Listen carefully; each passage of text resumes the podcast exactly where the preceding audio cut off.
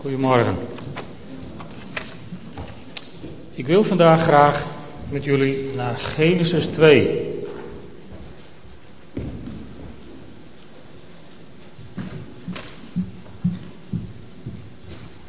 Dat is niet zo lang bladeren als je voorin begint tenminste. Genesis 2, vers 8. God de Heer legde in het oosten, in Eden, kan er ook niks aan doen, een tuin aan en daarin plaatste hij de mens die hij had gemaakt. Hij liet uit de aarde allerlei bomen opschieten die er aanlokkelijk uitzagen, met heerlijke vruchten. In het midden van de tuin stonden de levensboom en de boom van de kennis van goed en kwaad. En dan vers 15. God de Heer bracht de mens dus in de tuin van Eden om die te bewerken en erover te waken. Hij hield hem het volgende voor. Van alle bomen in de tuin mag je eten, maar niet van de boom van de kennis van goed en kwaad. Wanneer je daarvan eet, zul je onherroepelijk sterven. En dan gaan we naar hoofdstuk 3. Van alle in het wild levende dieren die God de Heer gemaakt had, was de slang het sluwst. Dit dier vroeg aan de vrouw: Is het waar dat God gezegd heeft dat jullie van geen enkele boom in de tuin mogen eten? We mogen de vruchten van alle bomen eten, antwoordde de vrouw, behalve die van de boom in het midden van de tuin. God heeft ons verboden van de vruchten van die boom te eten of ze zelfs maar aan te raken. Doen we dat toch, dan zullen we sterven. Jullie zullen helemaal niet sterven, zei de slang, integendeel. God weet dat jullie de ogen zullen opengaan zodra je daarvan eet en dat jullie dan als goden zullen zijn en kennis zullen hebben van goed en kwaad. De vrouw keek naar de boom. Zijn vruchten zagen er heerlijk uit, ze waren een lust voor het oog. En ze vond het aanlokkelijk dat de boom haar wijsheid zou schenken. Ze plukte een paar vruchten en at ervan. Ze gaf ook wat aan haar man die bij haar was en ook hij at ervan. Toen gingen hun beiden de ogen open en merkten ze dat ze naakt waren. Daarom regen ze vijgenbladeren aan elkaar en maakten er lendeschorten van. Toen de mens en zijn vrouw God, de Heer, in de koelte van de avondwind door de tuin hoorden wandelen, verborgen zij zich voor hem tussen de bomen. Maar God, de Heer, riep de mens, waar ben je? Hij antwoordde, ik hoorde u in de tuin en werd bang omdat ik naakt ben, daarom verborg ik me. Wie heeft je verteld dat je naakt bent? Heb je soms gegeten van de boom waarvan ik je verboden had te eten? De mens antwoordde, de vrouw die u hebt gemaakt om mij terzijde te staan, heeft mij de vruchten van de boom gegeven en toen heb ik ervan gegeten. Waarom heb je dat gedaan? vroeg God de Heer aan de vrouw. En zij antwoordde, de slang, die u gemaakt hebt eigenlijk, hè, heeft me misleid en toen heb ik ervan gegeten. En dan vers 22. Toen dacht God de Heer, nu is de mens aan ons gelijk geworden. Nu heeft hij kennis van goed en kwaad. Nu wil ik voorkomen dat hij ook de vruchten van de levensboom plukt. Want als hij die zou eten, zou hij eeuwig leven. Tot zover. Het verhaal van de zondeval.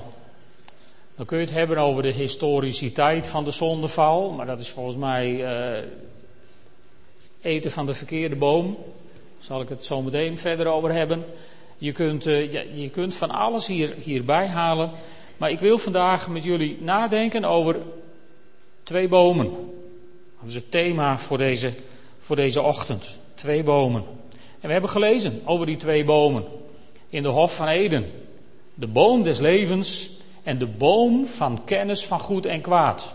Niet zomaar de boom van kennis, wat, zo, wat je soms wel eens geneigd bent te denken. Nee, de boom van kennis van goed en kwaad. Er is een, een onderscheid tussen. Want wat is nou die boom van kennis van goed en kwaad? Je zou kunnen zeggen, het is de boom van het onderscheid.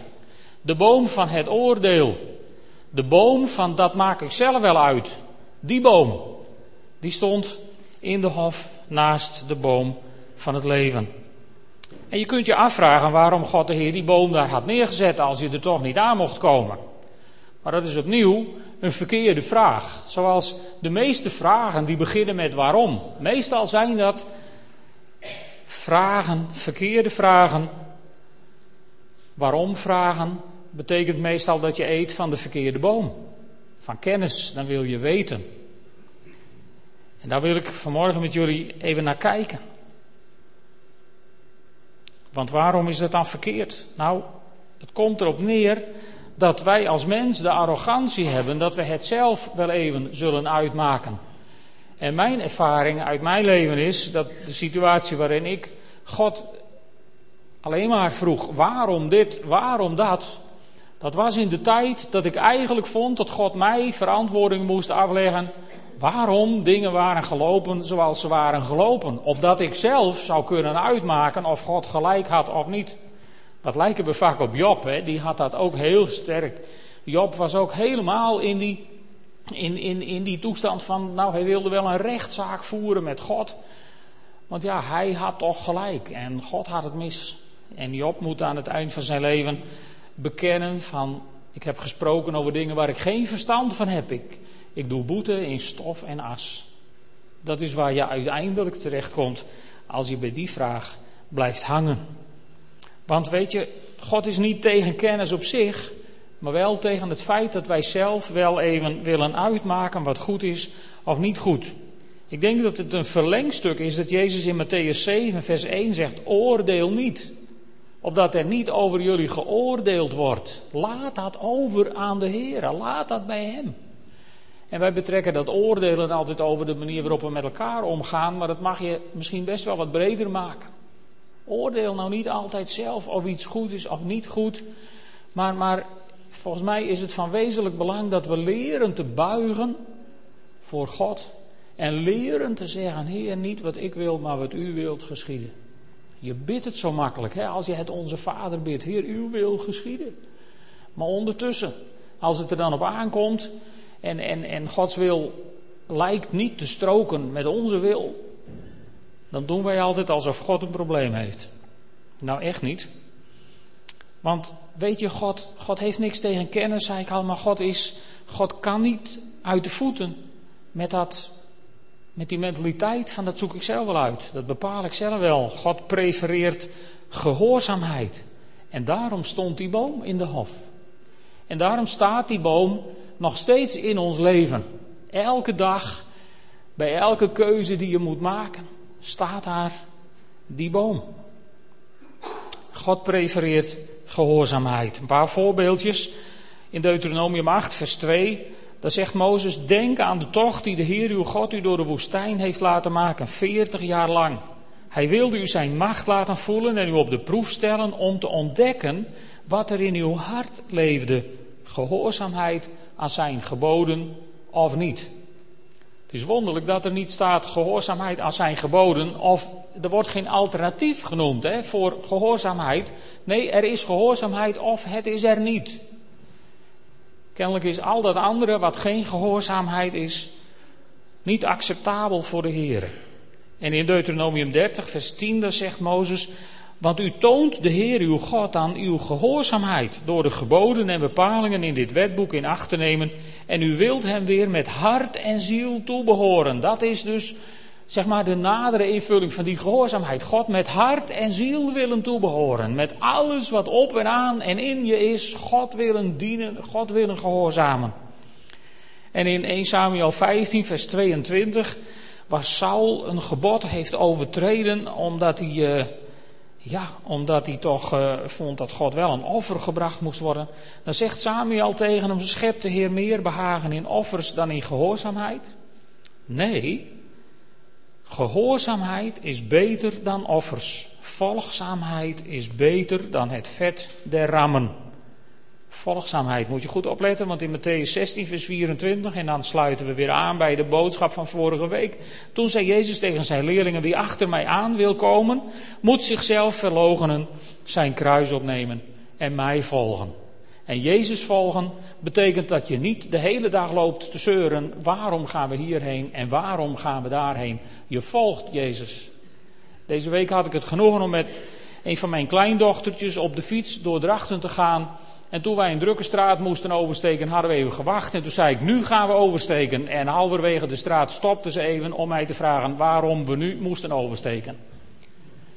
Toen was het antwoord, omdat ik het zeg, en als je nu niet maakt dat je aan de overkant komt. Zo menselijk zijn mijn kleinkinderen. Want zo zitten wij in elkaar, hè. Maar stel je nou toch eens voor dat je, dat je, dat je met een, een, een, een, militaire groep, onze, onze mensen in Afghanistan, stel je voor dat die in een crisissituatie, in een gevechtssituatie, op elk commando van hun leidinggevende officier de discussie aan zouden gaan. Waarom moeten we dit, waarom moeten we dat? Dan hadden we ze al bij honderden begraven intussen in dit land. Stel je voor dat in een crisissituatie een heftige crisissituatie, in een verkeersongeval, een ambulanceverpleegkundige opdrachten geeft aan zijn chauffeur, die, die de assistent op dat moment is. Nou, die, die opdrachten kunnen soms redelijk kort af zijn als er levens op het spel staan. Stel je voor dat de assistent, de chauffeur, op elk, elke opdracht in discussie zegt: waarom moet ik dit en waarom moet ik dat en wie denk je wel dat ik ben? Lieve mensen, dan was Grietje gestorven op de straat waar ze het ongeluk heeft gehad. En toch gaan wij zo met God om in crisissituaties. In deze wereld in nood hebben wij zoveel vijven en zessen richting God.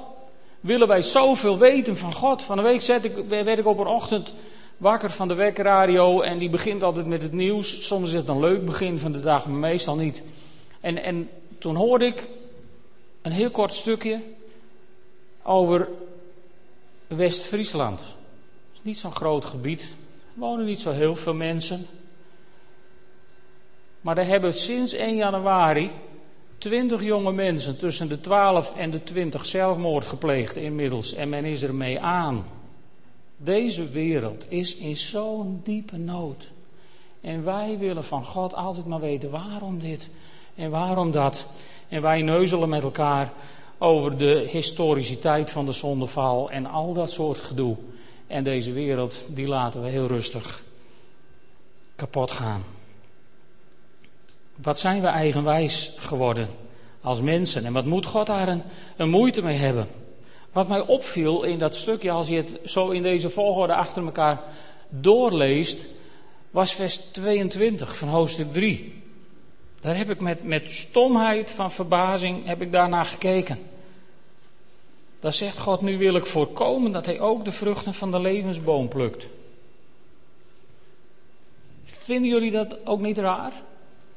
We hebben geen flauw idee hoe lang Adam en Eva in het paradijs hebben gewoond. Heel vaak als we de Bijbel vlug doorlezen, dan denken we van nou ja, op dag 7 rustig God en op dag 8 was de zondeval. Maar dat, dat hoeft helemaal niet zo te zijn. Adam en Eva kunnen heel lang eerst in vrede in het paradijs hebben gewoond, tot ze van de verkeerde boom aten.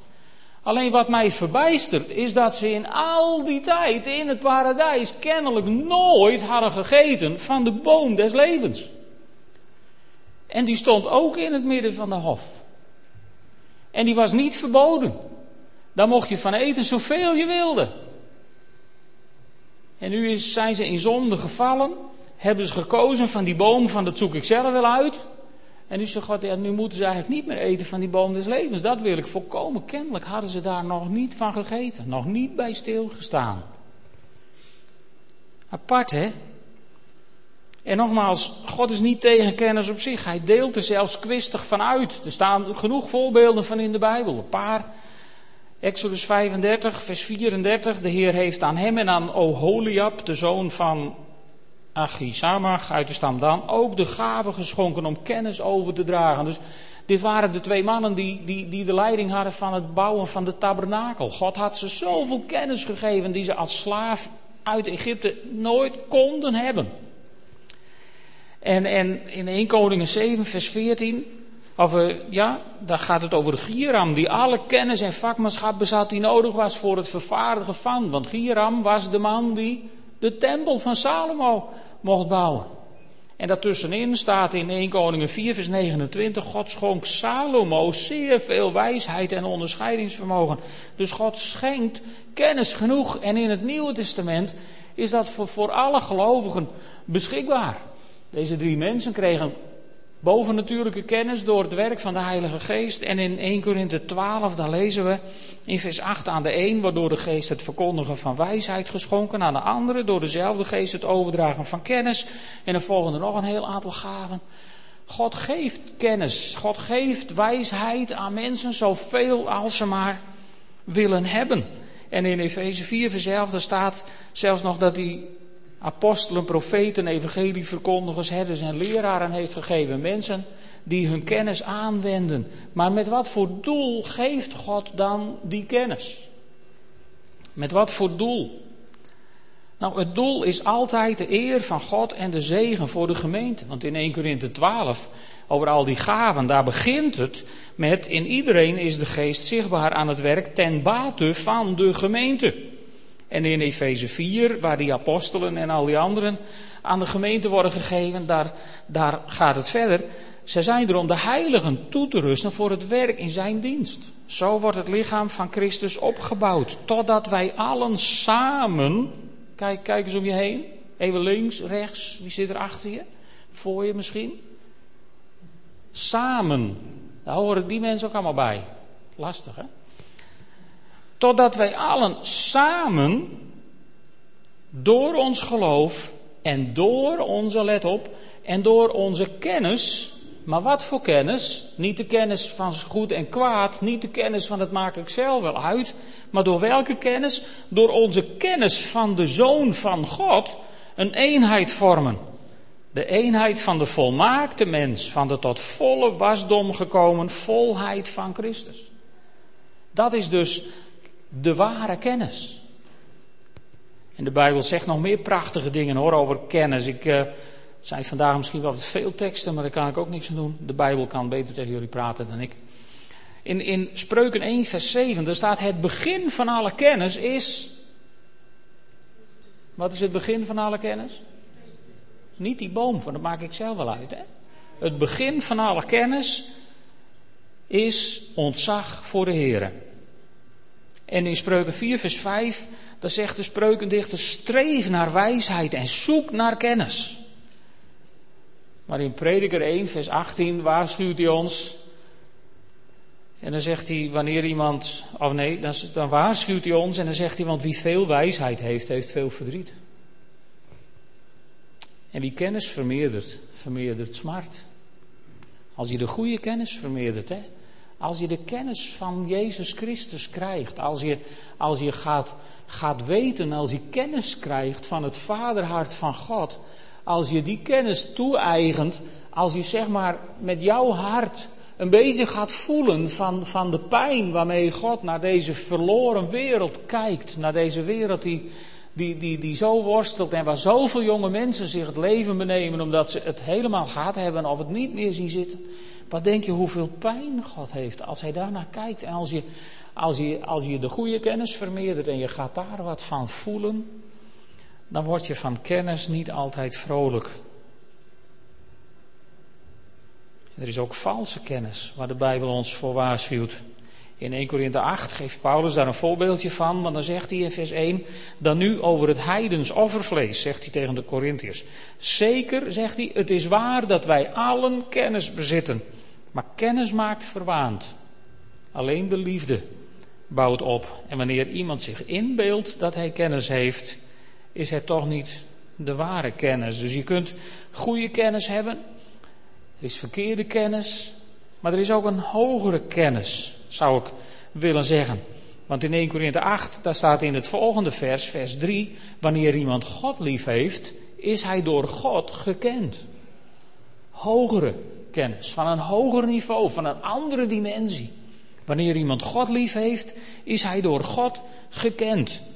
En, en ik lees ook in Efeze 3 een paar prachtige versen. Waar Paulus schrijft, mogen hij vanuit zijn rijke luister uw innerlijk wezen kracht en sterkte schenken door zijn geest, zijn geest, zodat door uw geloof Christus kan gaan wonen in uw hart en u geworteld en gegrondvest blijft in de liefde. Want dan zult u met alle heiligen, en dat zijn wij, hè? wij zijn de heiligen, heb ik het volgens mij onlangs ook ook over gaat. Wij zijn heiligen in de ogen van God, apart gezet voor Hem. Nou, en dan zullen wij samen met alle heiligen de lengte en de breedte, de hoogte en de diepte kunnen begrijpen. Ja, de liefde van Christus kennen. Daar heb je hem weer. De liefde van Christus kennen. die alle kennis te boven gaat, opdat u zult volstromen met Gods volkomenheid. Ken jij de liefde van Christus?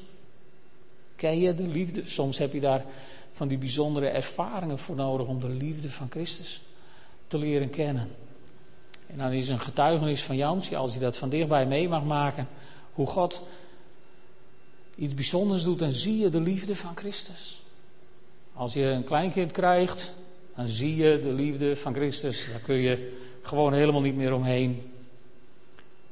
Maar als je met elkaar iemand moet begraven, zoals Sjoukje van de week, zie je toch ook die liefde van Christus in de kracht die mensen krijgen. Toen we broeder Rijn hebben begraven, hebben we er zoveel van gezien met elkaar. Die liefde van Christus, die zie je. Als je het wilt zien. Het hangt er vanaf van welke boom je wilt eten. Dat maakt het hele verschil. Weet je, toen, toen Jacob en Jansie vorige week kwamen met, met die nood van hun nichtje, die, die zo kritiek in het ziekenhuis lag. Toen waren er twee bomen om van te eten. Er was één boom om naar God te gaan en zeggen: Heer, waarom hebt u dit laten gebeuren? Dan hadden we vandaag geen antwoord gehad. Geen getuigenis. De andere boom was de boom des levens. En het gebed voor de boom des levens is zo verbijsterend simpel. Zo eenvoudig. Het gebed voor de boom van kennis begint bijna altijd met waarom. En daar krijg je nooit geen antwoord op. Het wordt altijd ingewikkeld. Maar het gebed bij de boom des levens, als je nadert tot de boom des levens, dan is er eigenlijk maar één kort gebed. Heere, help. De boom des levens. En als je dat uitroept, Heere, help. Help God, we weten het niet meer, doe iets, Heer. Dan doet God iets. Niet altijd wat jij wilt, misschien. Maar hij doet wel iets. Hij komt met stromen van leven. Uit die boom des levens. En uit die boom des levens, daar leer je niet het onderscheid tussen goed en kwaad. Maar bij die boom des levens, daar leer je wel de kracht te ontvangen om dit leven aan te kunnen zoals het leven voor jou komt te liggen. En dat is voor iedereen van ons verschillend. En de ene die zit nu misschien op een punt waar je denkt, het leven is gewoon heerlijk, één groot feest. Andere mensen zitten nu misschien op een punt waar je denkt, het leven is moeilijk, het leven is zwaar. Ik kom er bijna niet doorheen. Dan zou ik je aan willen raden om, om, om toch nog eens na te denken over de preek van vorige week. Overigens van Jezus die onder het kruis loopt en, en jou uitnodigt om bij hem in dat tweespan te komen. En zo samen op te trekken door deze wereld, want zijn last is licht en zijn juk is zacht. En het kan, hè? je kunt de liefde van Christus leren kennen, die alle gezag, of die, die uh, alle kennis te boven gaat. En hoe werkt dat dan? Nou, het sleutelwoord is volgens mij gehoorzaamheid. Klaas begon daar al over in de opening. Erken het gezag, vooral het gezag van God. Paulus waarschuwt ook Timotheus daarvoor in 1 Timotheus 6, vers 20. Daar zegt hij: Timotheus, waak over hetgeen je is toevertrouwd. En mijt het goddeloze gepraat en de tegenstrijdigheden van wat ten onrechte kennis wordt genoemd. En dat goddeloze gepraat, dat hoeft niet altijd vreselijk zondig of, of weet ik wat te zijn. Hè? Het goddeloze praat is volgens mij ook al dat gepraat wat het woord van God voortdurend ter discussie stelt en tegenstrijdigheden probeert te zoeken en, en probeert met wat ten onrechte kennis wordt genoemd aan te tonen dat het woord van God niet waar kan zijn. Je gelooft het of je gelooft het niet. En alle mensen die menen op, op vage historische gronden te bewijzen dat het woord van God niet kan kloppen, gaan ook uit van een geloof. Want die geloven de andere verhalen die ze hebben gevonden. Nou, kies maar wat je wilt. En ik ga langzaam maar zeker naar een afronding. In Psalm 1 staan een paar prachtige versen. Psalm 1. Gelukkig de mens die niet meegaat met wie kwaad doen. En dan moet je bij kwaad doen niet altijd direct denken aan inbrekers en moordenaars. Ik denk twijfelen aan het woord van God. En God heeft verantwoording roepen door alsmaar te zeggen waarom dit en waarom dat is ook kwaad doen. In wezen is het kwaad doen. Kwaad doen is gewoon het tegenovergestelde van gehoorzaamheid. En God prefereert gehoorzaamheid. Dus gelukkig de mens die niet meegaat met wie kwaad doen, die de weg van de zondaars niet betreedt, bij spotters niet aan tafel zit, maar vreugde vindt in de wet van de Heer. En dit is voor de psalmist de wet van de Heer. Maar vreugde vindt in de wet van de Heer en zich verdiept in zijn wet dag en nacht. Dus die goddelozen zijn niet bij voorbaat slechte mensen, maar mensen die het zonder God menen te kunnen. Hè? Goddeloos betekent ook gewoon in heel simpel Nederlands zonder God. Mensen die het zelf beter denken te weten en die het zelf wel uit zullen maken. Die mensen van de boom van kennis van goed en kwaad, de boom van onderscheid, de boom van ik maak het zelf wel uit, tegenover de mensen van de boom des levens. En wat is het resultaat dan als je, als je kiest voor de boom des levens? Wat is het resultaat? Psalm 1 maakt het duidelijk in vers 3. Hij zal zijn als een boom. Zijn we terug bij de boom? Zie je dat? De boom. Uit Genesis 2. We zijn terug bij de boom. Hij zal zijn als een boom, geplant aan stromend water. Op tijd draagt hij vrucht. Zijn bladeren verdorren niet. Alles wat hij doet komt tot bloei. Dit wordt bijna letterlijk herhaald in Jeremia 17. Wil ik jullie even niet onthouden. Jeremia 17, vers 7 en 8. Gezegend wie op de Heer vertrouwt. En het woord, Hebreeuwse woord voor vertrouwen is hetzelfde als het woord geloven. Dus gewoon hetzelfde woord. Dus gezegend wie op de Heer vertrouwt, die de Heer gelooft, wiens toeverlaat de Heer is. Hij is als een boom, geplant aan water, zijn wortels rijken tot in de rivier. Is niet mooi? Hij merkt de komst van de hitte niet op, zijn bladeren blijven altijd groen. Tijden van droogte deren hem niet, steeds weer draagt hij vrucht.